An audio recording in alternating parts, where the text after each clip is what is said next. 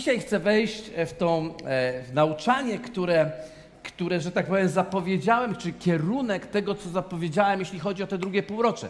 Biblia mówi tak, Jakuba, list do Jakuba mówi w ten sposób, podajcie się Bogu, przeciwstawcie się natomiast diabłu, a ucieknie od was. I to, co na pewno wspaniale nam wychodzi, to wychodzi nam zdolność poddawania się Bogu. Wielokrotnie poddaliśmy Bogu nasze życie. Od, zaczęliśmy od złożenia naszego życia w ofierze Bogu. Powiedzieliśmy, Boże, my nie, tylko Ty. Oddajemy Ci swoje życie i oddajemy to życie Bogu. Niemniej jednak czasami po tym oddaniu życia Bogu jesteśmy zaskoczeni, że to życie płata nam figle i wyskakują z nas rzeczy, które wyobrażalibyśmy sobie, że po oddaniu życiu Bogu nie powinny, nie powinny nam płatać figle, a jedną z powodów jest to, że po prostu mamy wroga, nie przyjaciela, przeciwnika. Przeciwnik, przeciwnik. Ten przeciwnik jest realny. Oczywiście jedno z takich zagrożeń, które mamy często, to jest to, że możemy lekceważyć, właściwie czasami lekceważymy fakt, że mamy przeciwnika. To nie jest tak, że to jest tylko taki, taki obraz jakby, nie wiem, jakiegoś takiego no, ogólnie pojętego zła, ale nasz przeciwnik jest osobowy i nie tylko jeden, ale ma całą grupę przeciwników ze sobą i ten cały królestwo ciemności chce nam napsuć krwi. A Biblia mówi: poddajcie się Bogu i, pod, i przeciwstawcie się diabłu, i wtedy diabeł ucieknie od was. Biblia nie mówi: poddajcie się Bogu, a diabeł ucieknie od was. Biblia mówi: poddajcie się Bogu, przeciwstawcie się natomiast diabłu, a on ucieknie od was. Dlatego istotą rzeczy jest to, żebyśmy się nauczyli, jak przeciwstawiać się, jak przeciwstawić się diabłu w swoim życiu. I dzisiaj chcę o tym mówić, ale żebyśmy wiedzieli, jak się przeciwstawić, cieszę się, że przerabialiśmy bardzo mocno kwestię tożsamości, bo bez niej ni chuchu. Tym bardziej, że pamiętajcie, że jeśli chodzi o tożsamość moją w Chrystusie, tożsamość w moim Bogu, ona jest fundamentalną rzeczą, jakby główną na celowniku. Pierwszą rzeczą, którą diabeł będzie atakował, to to, ale za chwilę o tym powiem. Najpierw chcę Wam powiedzieć, z kim toczymy z kim toczymy walkę. Może nie, właśnie powiedzmy o, tym, o, tym, o tej tożsamości. Zobaczcie, w Ewangelii, e, Pan Jezus, w Ewangelii Mateusza, czwarty rozdział od 1 do 11, zapiszcie sobie jako zadanie domowe. Nie będziemy dzisiaj tego czytać, ale tam znana jest historia, gdzie diabeł przychodzi, e, że zanim, zanim ta historia się wydarza, to jest sytuacja, kiedy Jezus przychodzi do Jordanu przychodzi do Jordanu, aby zostać ochrzczony. Zostaje przez Jana Chrzciciela ochrzczony i co słyszy? Pierwsze słowa, jakie słyszy? Otworzyło się niebo, e, gołębica spoczęła na nim, Duch Święty jakby gołębica spoczęła na nim i co? I słyszę słowa takie, uważajcie, słowa takie słyszę. Tyś jest mój syn umiłowany, w Tobie mam upodobanie. Tyś jest mój syn umiłowany, w Tobie mam upodobanie.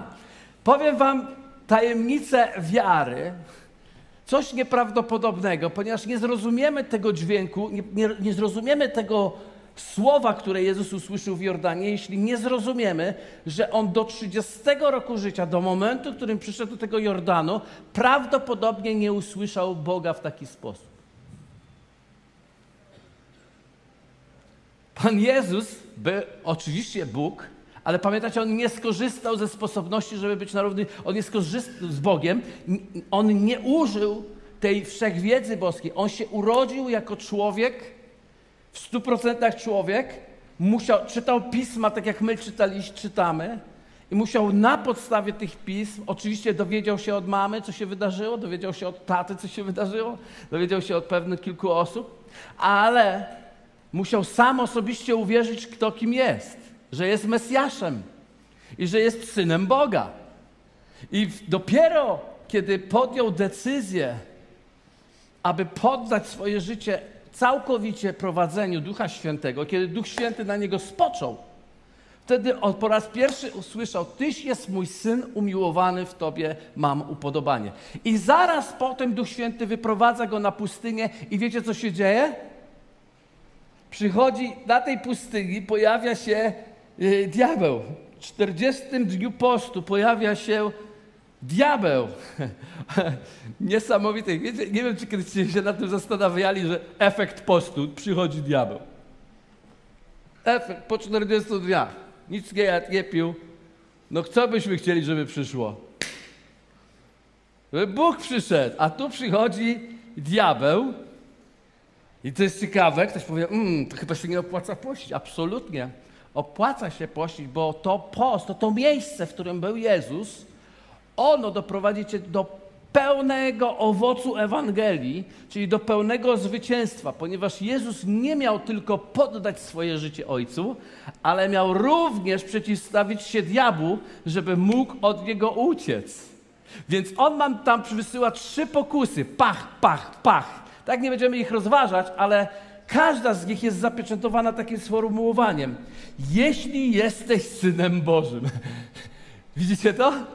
Jeśli jesteś, tu nie chodziło o te bogactwa, tu nie chodziło o ten kamień zamieniony w chleb, tu nie chodziło o to, że można nawet przeżyć coś takiego, że się rzucasz z jakiegoś wielkiego, ze Sky Towera i aniołowie cię złapią i tak sprowadzą cię na ziemię. W ogóle o to nie chodziło. Chodziło o jedną tylko najważniejszą rzecz, żeby podważyć w Jezusie Chrystusie to, że jest Synem Bożym. I jeszcze to sformułowanie, jeśli to ja się pytam, jakie jeśli? Jezus jest Synem Bożym i nie ma żadnego jeśli. Nie ma żadnego jeśli, ale jeśli myślisz, że, jeśli, ale jeśli ty myślisz, że w twoim przypadku będzie już, o, to ja jestem Synem Bożym, córką Bożą, jestem, należę do Boga i nie będzie żadnej próby podważenia tego, to się bardzo głęboko mylisz. I to będzie, i to właśnie w jakich sytuacjach?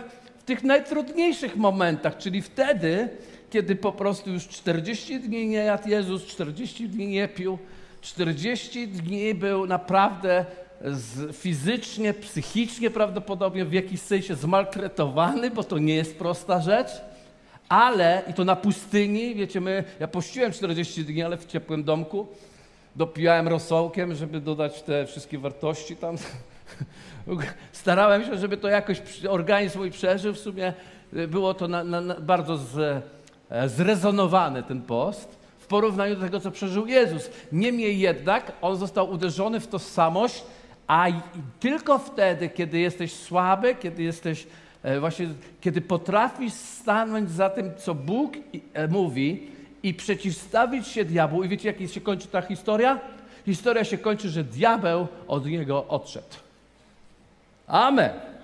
Więc kiedy ty przeciwstawisz się diabłu, on od ciebie odejdzie. Odejdzie.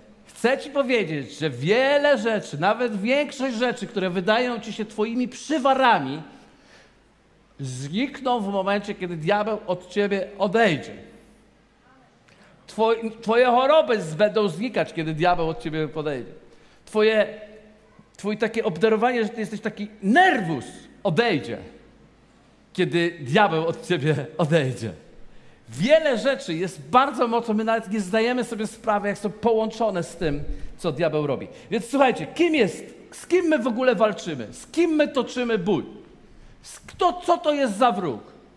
Na początek chcę wam powiedzieć, Jezus Chrystus jest Panem Panów i Królem Królów.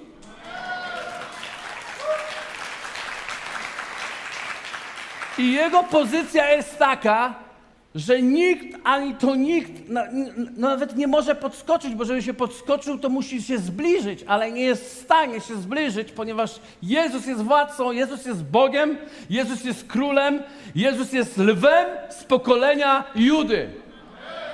Lwem z pokolenia Judy. Co to oznacza? To jest bardzo ważne. Dlatego, że jest taki fragment, posłuchajcie, ja chciałbym go od razu odczarować. W pierwszym Piotra w 5:8 jest piąty rozdział, ósmy werset, mówi tak. Bądźcie trzeźwi, czuwajcie. I teraz uwaga. Przeciwnik wasz diabeł chodzi wokoło jak lew ryczący, szukając kogo by pochłonąć. I sobie myślimy, a, to jest lew z pokolenia Judy, jest lew jak diabeł, i lew diabeł i te lwa, dwa lwy, że tak powiem, walczą. Nie, to jest zupełnie fałszywy obraz. Diabeł nie ma nic z lwa. Tam jest w ogóle w Brytyjce powiedziane jak lew. W tysiąclatce bodajże jakby lew, a tak naprawdę dosłownie jest napisane próbując naśladować lwa. Wiecie, diabeł zresztą sam nie potrafi nic innego wymyślić i myśli sobie, po, po, pozazdrościł lwu z pokolenia Judy, że jak on ryknie, jak lew z pokolenia ry, Judy ryknie, to świat w posadach się trzęsie. Więc on jak lew próbuje, jak lew, tylko że mu nie może ryczeć. Próbuje ryczeć jak lew. Więc nie, da, nie nadawamy mu pozycji lwa, ponieważ on jest jak węże i skorpiony, po której depta lew z pokolenia Judy. Tam nie ma żadnej równej walki. Amen? Nie ma żadnej równej walki. Walka już jest dokonana, dokończona, zwyciężona. Kim jest szatan? Szatan. Słowo szatan oznacza ten, e, e, który oszukuje o mamo, uciekło mi słowo. Jaki? Oskarżyciel, właśnie to słowo mi uciekło. On, on, szatan jest oskarżyciel. Wiecie, to jest bardzo ciekawe. Nawet słowo to oskarżyciel. No, wiecie, trudno jest oskarżać bez wypowiadania słów. Je, jedyną rzeczą, jedyną bronią, którą dzisiaj diabeł może używać, dlatego że on był panem świata, ale już nie jest więcej panem świata, bo Jezus powiedział, odchodząc z tego świata, że jest dana mi wszelka władza na niebie i na ziemi. Tak? To Jezus jest dzisiaj Panem całego świata. Jezus jest Bogiem. Jezus jest tym, który ma to we władaniu. Wcześniej miał to Adam, ale to oddał diabłu. Potem posiadał to diabeł. Ale dwa tysiące lat temu Jezus Chrystus na krzyżu rozbroił całą potęgę przeciwnika i on jest rozbrojony, uwaga, zakuty w kajdany, czyli całkowity wpływ szatana i jego, dzie, i jego demonów, to jest ograniczony chociaż nadal ma zdolność zwiedzenia, nadal ma zdolność wypowiadania słów, które okazują się, mają, mogą mieć wpływ nawet na ludzi wierzących. Nadal ma zdolność atakowania nas swoimi sposobami. Jakie to są? On nas próbuje cały czas oskarżyć. On próbuje oskarżyć Boga, on próbuje nas oskarżyć przed nami samymi, przed innymi. On próbuje oskarżyć innych ludzi w koło. To jest jego rodzaj działania. Ale trzeba pamiętać, że to jest byt duchowy, osobowy. Nie jakaś tam moc zła, pływająca, latająca w kosmosie, tylko to jest osobowy wróg stworzony przez Boga, który ma rozum i ma wolę. I który wypowiedział posłuszeństwo Bogu. Bóg go stworzył, ale on wypowiedział posłuszeństwo Bogu. Ponieważ miał, i tutaj pewną rzecz teologiczną od razu rozprawmy się, ponieważ miał pełnię poznania i pełnię zrozumienia i pełnię objawienia, kim był Bóg, jego decyzja odejścia od Boga już nie jest nieodwołalna. Diabeł nieodwołalnie, mając pełną świadomość, jaką decyzję podjął, zdecydował się odejść od Boga. Dlatego nie może wrócić. Diabeł się nie może nawrócić. Diabeł je, jedyną ulgę, którą przyjmuje, to tylko kiedy widzi, kiedy odciąga ludzi od Boga, kiedy niszczy ludzi, ponieważ to jest jego natura, to jest jego władza. I teraz posłuchajcie. Diabeł, e, diabeł, dosłownie diabolos, oznacza, wiecie co oznacza? Ten, który dzieli. Ten, który dzieli. Czy doświadczałeś kiedyś podziału? Czy doświadczałeś kiedyś, że fajnie wszystko, wszystko fajnie idzie, a tu nagle pach i nagle się nie rozumiemy. Nagle dzieli nas. Bliscy się dzielą, e, dalecy się dzielą, ludzie się dzielą, y, społeczeństwo się dzieli, wszystko się dzieli. Chcę wam powiedzieć, że za tym wszystkim dokładnie stoi jedna osoba. I jest nią diabeł, diabolos, ten, który dzieli. Kiedy przyjrzymy się jego, jego jego charakterowi musimy zrozumieć, że on jest nieprzyjacielem ludzkiej natury. On nienawidzi nikogo. On nienawidzi nikogo. To nie jest tak, że świat się teraz e, podzielił. Ja jestem z Bogiem, dzieckiem Bożym, a ja teraz jestem satanistą. Ja czczę szatana, bo z tego mam korzyść. Nie masz żadnej korzyści z tego, kiedy czcisz szatana, dlatego że on jest nieprzyjacielem nawet tych wszystkich, którzy go czczą. On jest nieprzyjacielem nawet tych wszystkich, którzy go czczą. Kiedyś Marilyn Manson był taki taki ala satanista, muzyk, e, przyjeżdżał do Polski i miałem okazję oglądać debatę na ten temat. I tam się wypowiadali organizatorzy koncertu, wypowiadał się jakiś ksiądz, był jakiś pastor, był jakiś ateista, był jakiś satanista i, i rozmawiali sobie, czy po prostu powinien być. I i bolało mnie, ponieważ zarówno ksiądz, jak i pastor, jak i tam ludzie wierzący, którzy próbowali dać argumenty, dlaczego takie koncerty w Polsce nie powinny się odbywać, oni dawali koncerty, y, oni dawali takie rzeczy, że a, bo szatan, to, y, bo on czci szatana, bo obraża Pana Boga i tak dalej. Po pierwsze, chcę wam dać pełne zrozumienie. Nikt nie jest w stanie obrazić Pana Boga. My ludzie się obrażamy, ale Bóg się nie obraża.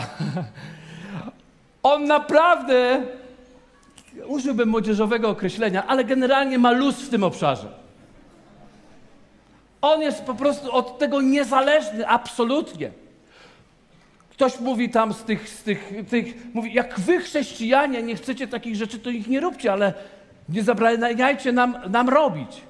I wiecie, nikt z nich, nikt z wierzących ludzi, to mnie bolało, nie powiedział: Hej, my mówimy i występujemy i mówimy o tym, że to jest niebezpieczne, nie dlatego, że my chrześcijanie jesteśmy niezadowoleni, ale dlatego, że diabeł nie jest wrogiem chrześcijan. Diabeł jest wrogiem ludzkości. Chodzi również o Was, kochani.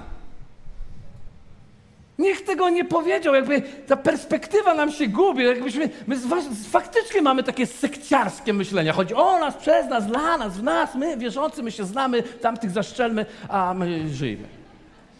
Jesteście ze mną, tak?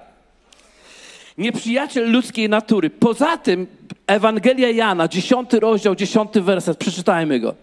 Mówi tak, złodziej przychodzi tylko po to, możemy to wyświetlić?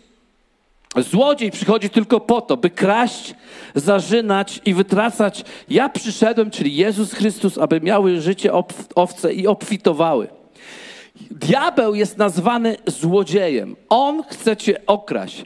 Przed wiecie, nie chodzi nawet o to, co ty masz, nawet nie chodzi o twój portfel, nawet nie chodzi o twoje zdrowie tak do końca, chociaż wszystkie te rzeczy chce, diabeł chce, bo on jest złodziejem, jest, jest po prostu absolutnie złodziejem, to jest jego natura. Myślę, że, że to jest złodziej, kra, kradzenie, kradzenie to jest używanie natury diabelskiej, jakkolwiek, w jakimkolwiek byśmy nie Ale do czego chcę? On jest złodziejem przede wszystkim życia z Bogiem. To jest coś, co najbardziej chce ci zabrać. Życie z Bogiem. Jeżeli cokolwiek złego się dzieje w Twoim życiu, właśnie z Jego inspiracji, to dzieje się nie po to tylko, żeby Ci zrobić coś złego, ale przede wszystkim odebrać Ci życie z Bogiem, ponieważ robiąc coś złego, zawsze będzie Ci nadawał perspektywę Bożą, że to Bóg, że to On za to odpowiada. Dzisiaj, dzisiaj jedno z pierwszych pytań, które ludzie zostawiają, jeśli Bóg jest tak kochany, jeśli tak nas bardzo kocha, to dlaczego jest tyle zła na świecie? Bóg nigdy nie stoi za żadnym złem. Biblia mówi, Bóg jest dobry i nie ma w nim żadnej odmiany, ani, uwaga, to jest piękne, ani chwilowego zaćmienia. Innymi słowy, Bóg jest dobry. I to cały czas. Bo nie ma w nim chwilowego czego? Zaćmienia. Więc Bóg jest dobry. Dokładnie cały czas. Dlatego a diabeł będzie, ale diabeł odpowiada za zło, za zło. On robi te rzeczy, ale natychmiast interpretuje, natychmiast przerzuca w tobie. Mnie nie ma, ja nie istnieję, to jest ludowa legenda, co nie daj się zrobić, bądź dojrzały, bądź, e, bądź mądry, bądź inteligentny, wiesz, to są wszystko legendy. Biblia mówi, że przychodzi, aby zarzynać, a dosłownie niszczyć, ponieważ jest niszczycielem i wytracać, a dosłownie zabijać, ponieważ jest mordercą. Ale chyba najbardziej i najsilniejszy wymiar diabelski i jego wpływu jest to, że jest on ojcem, jest nazwany ojcem kłamstwa. On jest ojcem kłamstwa. Jest w Ewangelii Jana napisany fragment, który mówi: Diabeł od zawsze był kłamcą, ponieważ jest ojcem kłamstwa. Więc każdy przekaz od niego będzie nadawaniem ci niewłaściwej perspektywy, wykrzywianiem obrazu. On chce ci wykrzywić obraz to, kim jest Bóg. On chce wykrzywić ci obraz, kim ty jesteś w Bogu. On chce ci wykrzywić obraz ludzi, którzy ciebie otaczają. I to zarówno pokazują ci w jednych momentach, że jesteś tak wspaniały, tak cudowny, gdzie zaraz w drugim momencie ci może pokazać, jak jesteś beznadziejny i tragiczny. On może ci pokazać, pokazać słodkiego, pięknego y, Boga, który po prostu wspaniały, że tak cię bardzo kocha. To jest jego sposób. On ci powie, bu, o, jak przyjdziesz do Boga, wszystko będzie dobrze. Wszystko będzie. Ktoś mówi, diabeł mówi, możesz przyjść do Boga, zachęcać, tak? Tak, jeśli idziesz do niewłaściwego Boga, on cię zachęci. Jeżeli idziesz do obrazu Boga, który jest nieprawdziwy, który mówi, a nic nie musisz, wszystko będzie dobrze, będzie Pan zadowolony, to będzie tak mówił, a za chwilę będzie mówił, już się nie nadajesz, Bóg cię nie może kochać, ponieważ Bóg jest święty, Bóg jest surowy. Za chwilę mówi o innych ludziach. Ludzie, ludzie cię nie zawiodą. Ludzie cię nie zawiodą. A potem cię ludzie zawodzą.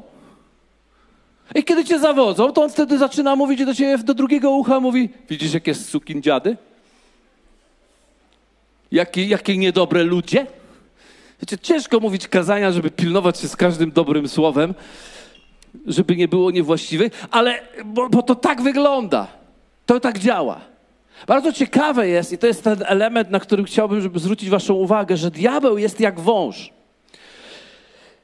Bo sama to pokazuje, jest w pierwszej Mojżeszowej przedstawiony diabeł jako wąż, czyli co? Pokazuje jego naturę. On się potrafi wślizgnąć. On się potrafi wślizgnąć. On nie szanuje ludzkiej wolności, dlatego tak ważna jest ostrożność, gdyż nie zawsze potrafimy skontrolować swoje bezpieczeństwo. Posłuchajcie. Pierwsza Mojżeszowa 3.1 mówi tak, a wąż był chytrzejszy chytrzejszy niż wszelkie dzikie zwierzęta, które uczynił Pan Bóg i rzekł do kobiety, czy rzeczywiście Bóg powiedział, nie, nie ze wszystkich drzew ogrodu wolno wam jeść. Zobaczcie, to jest niesamowite, ale i potem czytamy, kiedy Bóg pytał, czemu się tak stało, druga Mojżeszowa 3,13, popatrzcie. Wtedy rzekł Pan Bóg do kobiety, dlaczego to uczyniłaś? I ona odpowiedziała, kobieta, wąż mnie zwiódł i zjadłam.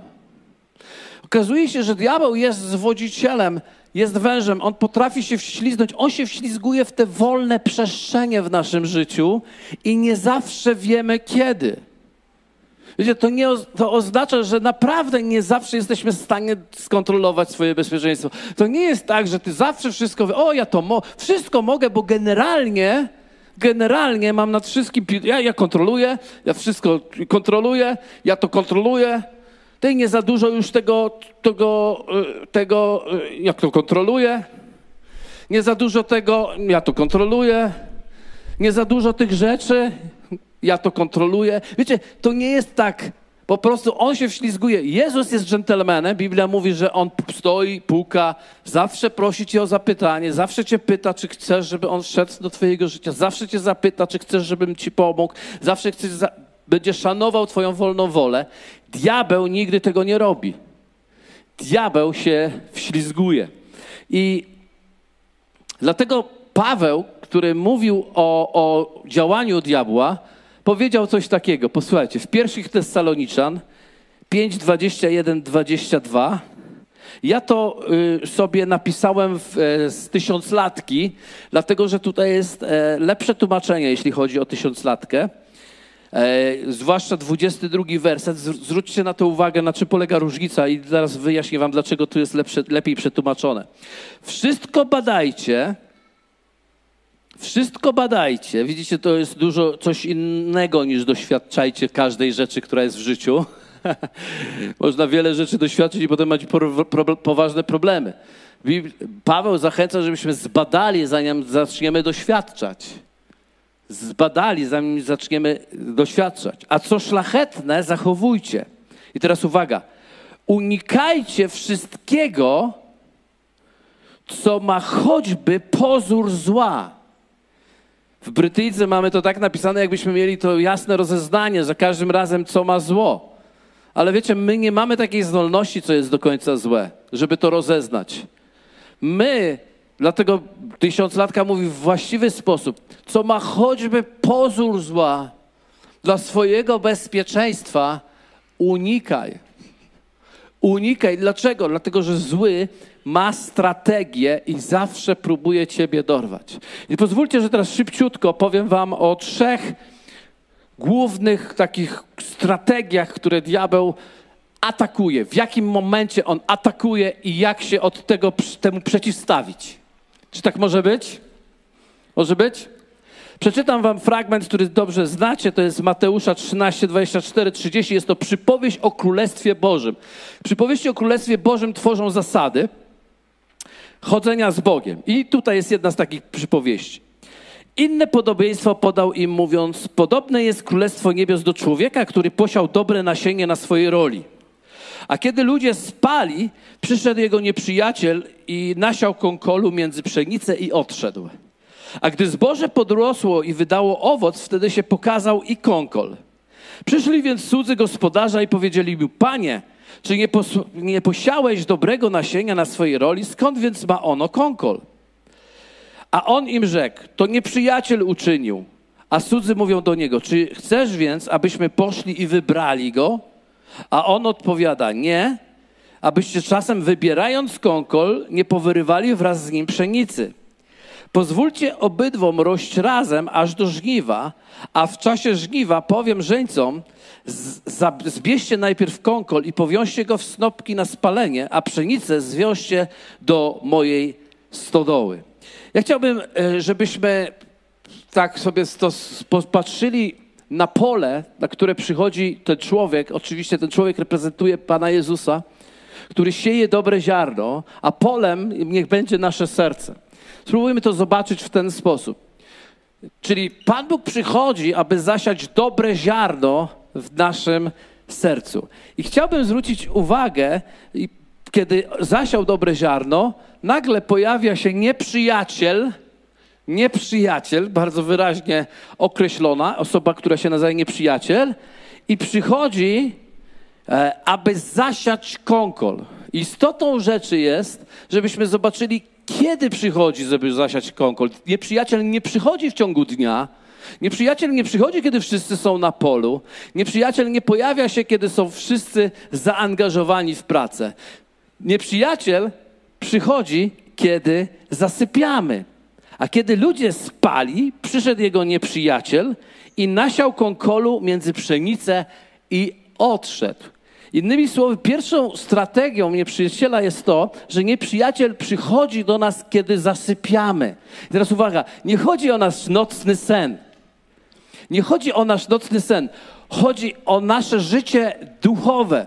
Nasze życie duchowe nie ma, nie ma miejsca na, na, na sen. Nie ma miejsca na sen. To znaczy, chodzi o to, że w duchowym wymiarze, nawet kiedy śpimy fizycznie, nasze serce jest ciągle nastawione na odbieranie rzeczy od Boga. Zasypianie to jest inne miejsce. To jest miejsce naszej takiej duchowej bezczynności, takiej nudy i apatii. Okazuje się, że chrześcijanie nie rozumieją, że w momencie Nowego Narodzenia oni jednocześnie są powołani do pielęgnowania relacji z Bogiem i do duchowej aktywności. Ty i ja jesteśmy powołani, aby być nieustannie aktywni. Nawet dzisiaj na, e, przed spotkaniem na odprawie o tym mówiłem. Relaks nie jest miejscem na utratę duchowej aktywności. Relaks, na przykład wyjazd na wakacje, to nie jest miejsce, o, jadę na wakacje, robię sobie z przerwę od Pana Boga, od życia duchowego i tak. Nie ma możliwości czegoś takiego. Po prostu my zabieramy Pana Boga za sobą. Zresztą zawsze na wakacje staramy się zabrać najbliższych ze sobą. Jeżeli wyznajemy, że Jezus jest pierwszy, jest pierwszy we wszystkim w naszym życiu, to zabieramy go ze sobą. Wiecie, to nie chodzi o to, że oczywiście nie będziemy wtedy y, operować ani światłami w kościele, ani grać na instrumencie w kościele i tak dalej. Wypoczywamy od tych rzeczy, ale nie wypoczywamy od Pana Boga i głębokiej relacji z Nim. W tej wymiarze nie ma zaśnięcia. My nie zasypiamy. Często diabeł jakby wprowadza nas w taki stan uśpienia, dlatego duchowe przebudzenie nazywa się słowem właśnie przebudzenie. Ono się zaczyna od ludzi wierzących, którzy przysnęli, ale się obudzili. Więc jeśli jesteś w stanie takiego przyśnięcia dzisiaj i myślisz sobie, e, no jesteś bezczynny, jesteś bezczynny, jesteś w apatii pewnej duchowej, musisz rozbudzić swoje życie w Chrystusie. Na nowo, aby przeciwstawić się diabłu, musisz się obudzić. Niesamowitym przykładem, jak diabeł atakuje, jest przykład Dawida. Dawida, tego króla Izraela. Przeczytam wam jeden z fragmentów z drugich Samuela 11:1 do 2. Następnego roku, w czasie, kiedy królowie zwykli. Słuchajcie, to jest niesamowite. To jest niesamowity fragment. Skupcie się. Następnego roku, w czasie, kiedy królowie zwykli wyruszać na wojnę. Co królowie zwykli? Wyruszać na wojnę. Wysłał Dawid Joaba wraz ze swoimi wojownikami z całym Izraelem i ci splądrowali ziemię Amonitów i oblegli Rabę. Dawid wszakże pozostał w Jeruzalemie. Królowie zwykli wyruszać na wojnę, a Dawid sobie został w Jeruzalemie. I teraz słuchajcie. I przytrafiło się. Powiedzmy razem, przytrafiło się. Wiecie, jeżeli nie będziesz tam, gdzie powinieneś zwykle być, to jesteś narażony, że ci się przytrafi. Powiedz sąsiadowi, uważaj, bo ci się przytrafi. I teraz posłuchajcie. I przytrafiło się, że pod wieczór Dawid wstał ze swojego łoża. Boże, kiedy on wstał? Pod wieczór wstał. Halo, studenci! Czujecie? On miał dokładnie to samo. Pod wieczór wstał. I kiedy on wstał pod wieczór ze swojego łoża i przechadzał się na tarasie swojego królewskiego domu i ujrzał z tego tarasu kąpiącą się kobietę. A była to kobieta wielkiej urody.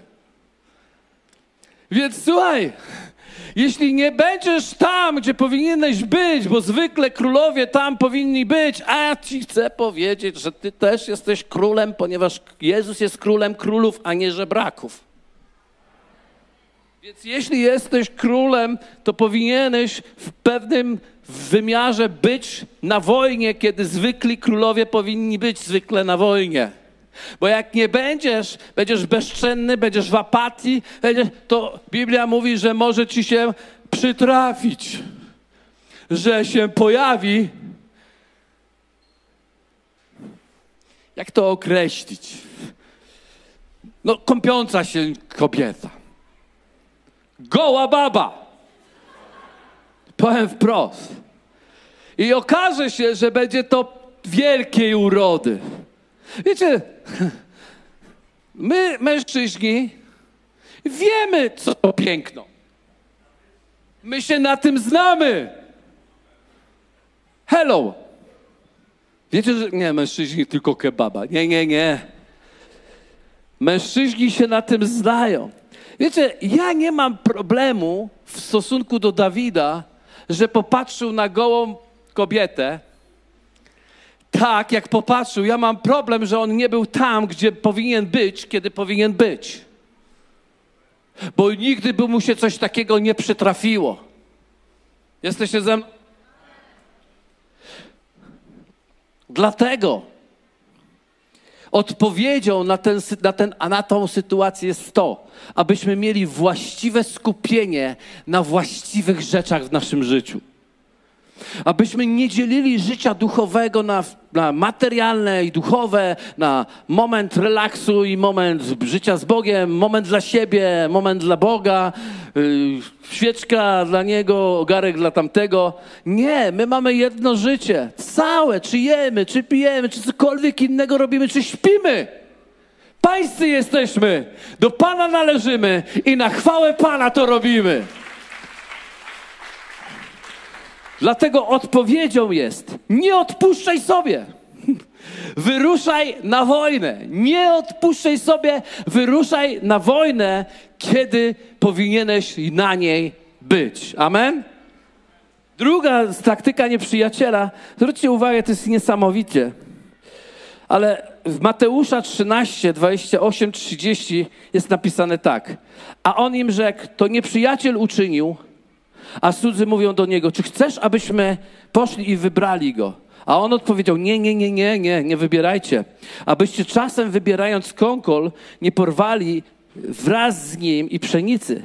Pozwólcie obydwom rość razem aż do żniwa, a w czasie żniwa powiem żeńcom, zbierzcie najpierw konkol i powiążcie go w snopki na spalenie, a pszenicę zwiążcie na, mo, na, do, do mojej stodoły. Co to oznacza?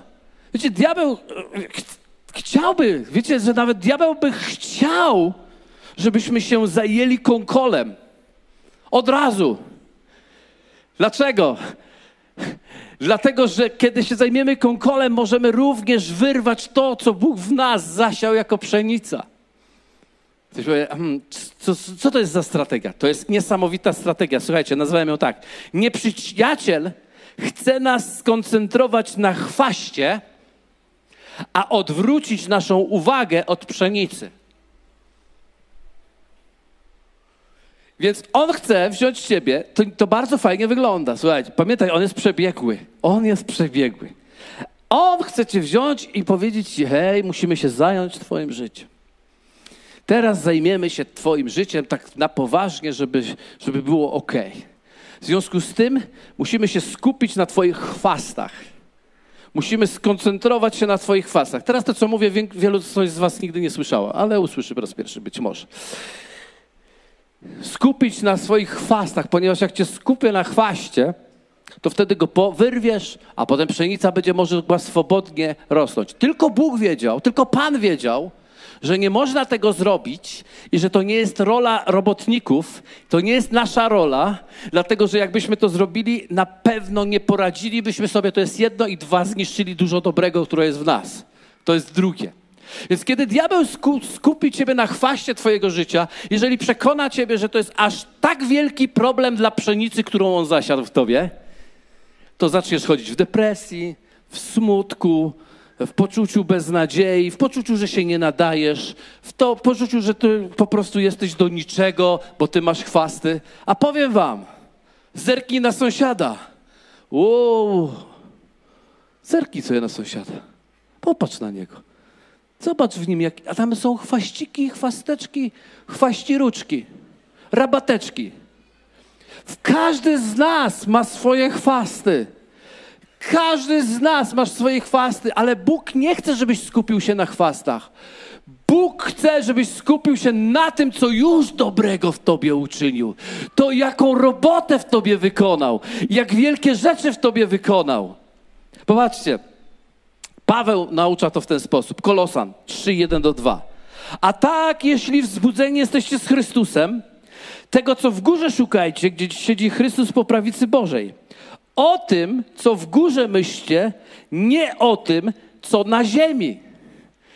Kiedy jest problem w naszym życiu, kiedy niech ten kubek reprezentuje chwast w moim życiu.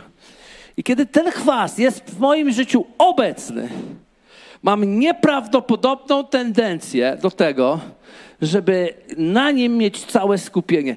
Całe życie jest dookoła mnie. Wszystko jest dookoła mnie. Piękne, potężne rzeczy, które Bóg mi dał, to jest dookoła. Nie ten dziad będzie mi zatruwał życie. Ten dziad będzie mnie męczył. Ja będę kładł się spać z tym chwastem i wstawał z chwastem i żył. I wiecie, wiele rzeczy dobrych może się dookoła dzieć, ale chwast! Gdybyś wiedział, jaki ja mam chwast! I sobie myślisz, ludzie, ludzie tyle mają dobrych rzeczy, tak fantastyczne rzeczy się dzieją. Bóg tak nas obdarował, ale nie! Chwast! To jest diabelska robota, diabelska strategia. On chce cię oderwać od życia, które jest w Chrystusie. On cię chce oderwać od radości życia. Tak jakby któregoś dnia miało być tak, że go ma nie być. No, ma nie być, ale jak nie będzie go, to się okaże, że jest jeszcze inny chwast, zanim wisi, e, Wyrwałeś jednego, a tam widzisz drugiego.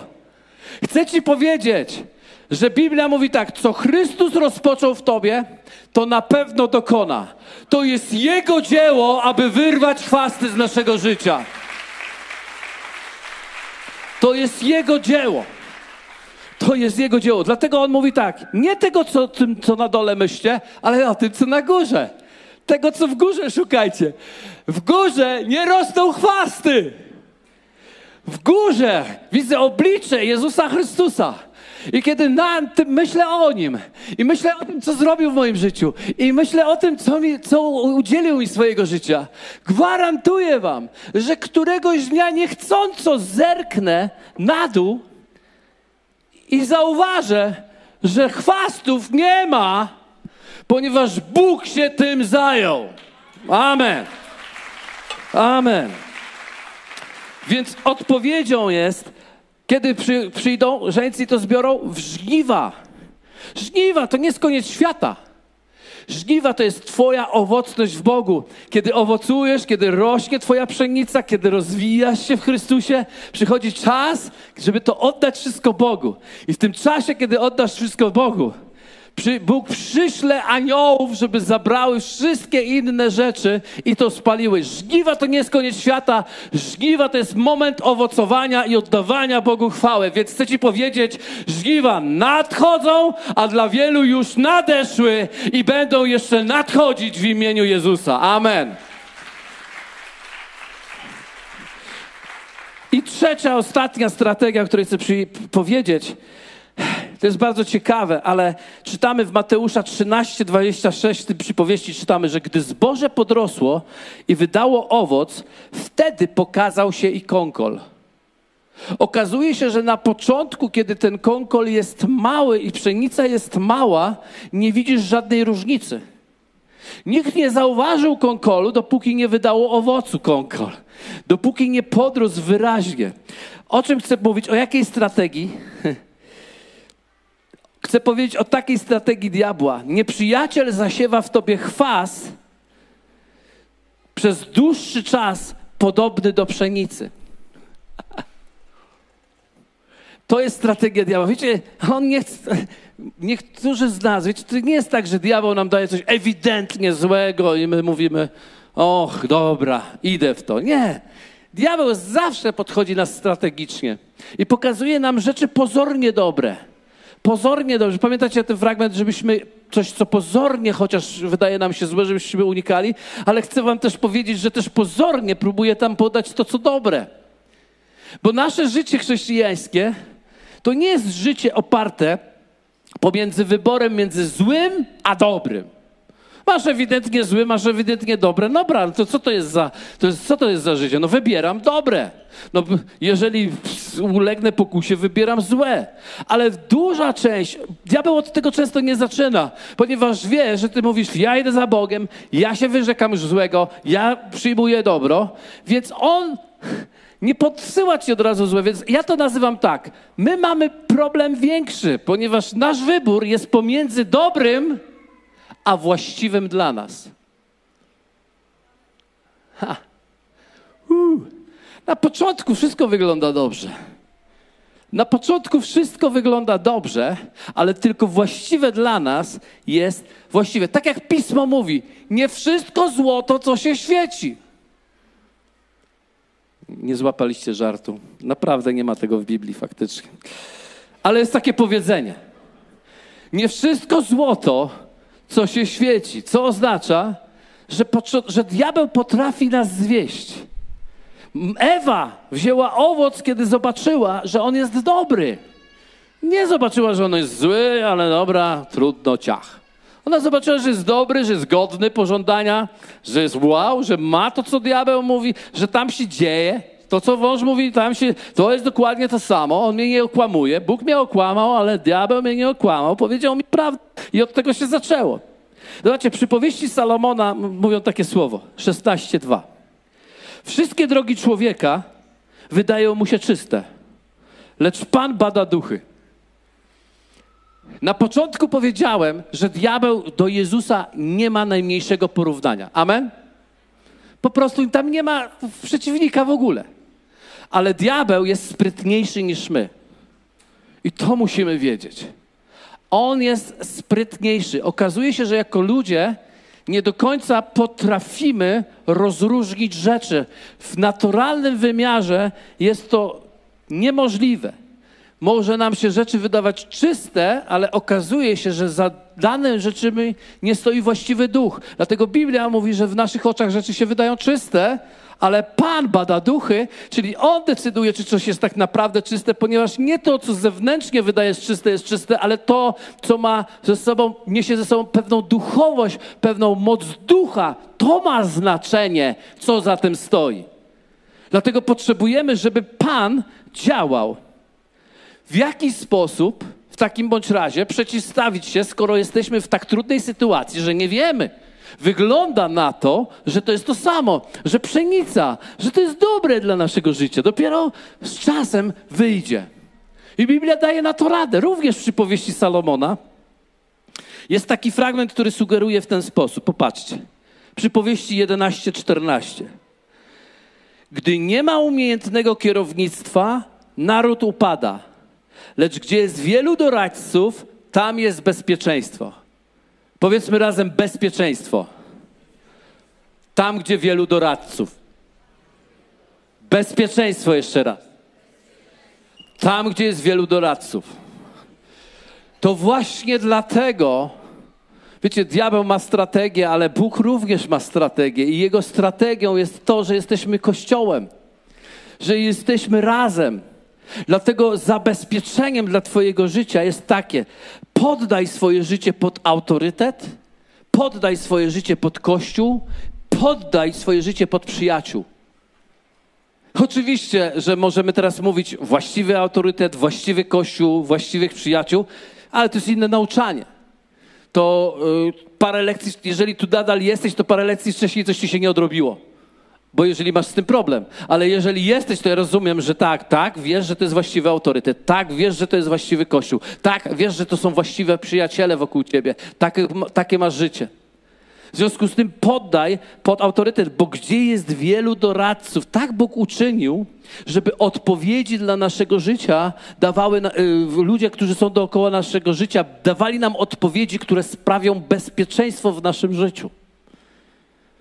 Więc to jest to, co ci daje Bóg. I zobaczcie, jak to jest piękne.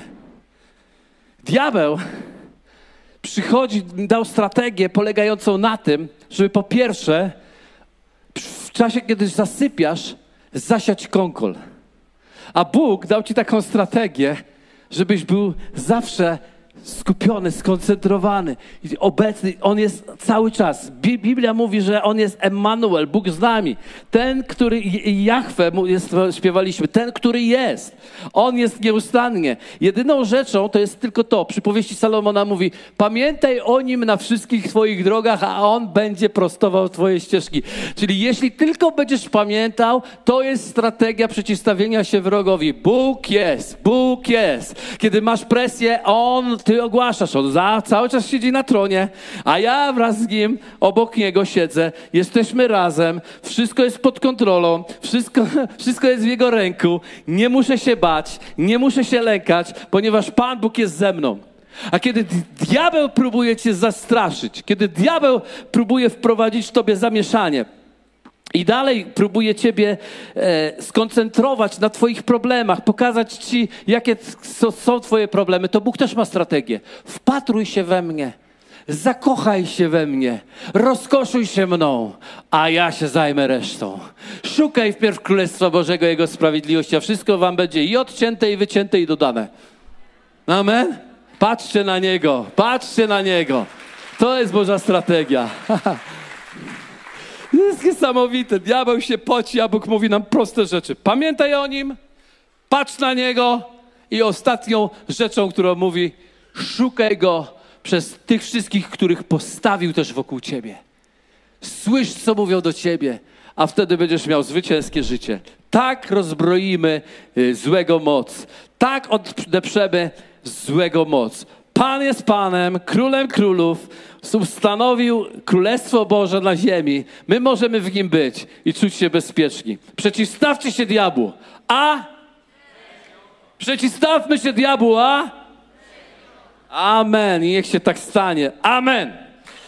Powstańmy razem. Pomódlmy się. Ojcze, dziękujemy Ci, że nie musimy się bać i że nie musimy przyjmować kłamstwa do naszego życia. Dlatego, że jesteśmy dziećmi Bożymi i rzeczywiście nimi jesteśmy. A jeszcze się objawi, kim tak naprawdę będziemy, bo my cały czas podróżujemy i cały czas zmierzamy do chwały Twojej.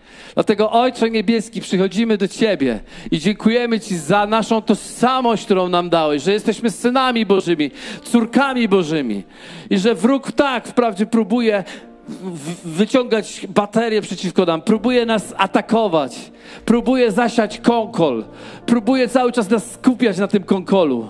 Cały czas próbuje nas oszukiwać, że coś, co jest konkolem, jest ziarnem, ale Ty jesteś z nami, Panie. My Jesteśmy skupieni na Tobie i my patrzymy na Ciebie. I my mamy też braci, przyjaciół, bliskich, rodziny, pastora, liderów, kościół, miejsce wzrostu, które daje nam bezpieczeństwo. Dlatego prosimy Cię w imieniu Jezusa, przyjdź królestwo Twoje. Przyjdź królestwo Twoje i objawiaj się. Objawiaj się swoją chwałą. Hallelujah. Dzięki za odsłuchanie podcastu Kościoła Wrocław dla Jezusa. Przesłanie było dobre, prawda? Gwarantujemy, że to nie tylko teoria. Teraz Twój ruch, by zastosować je w swoim życiu. Jeśli chcesz dowiedzieć się o nas więcej, odwiedź stronę wdj.pl. Do usłyszenia!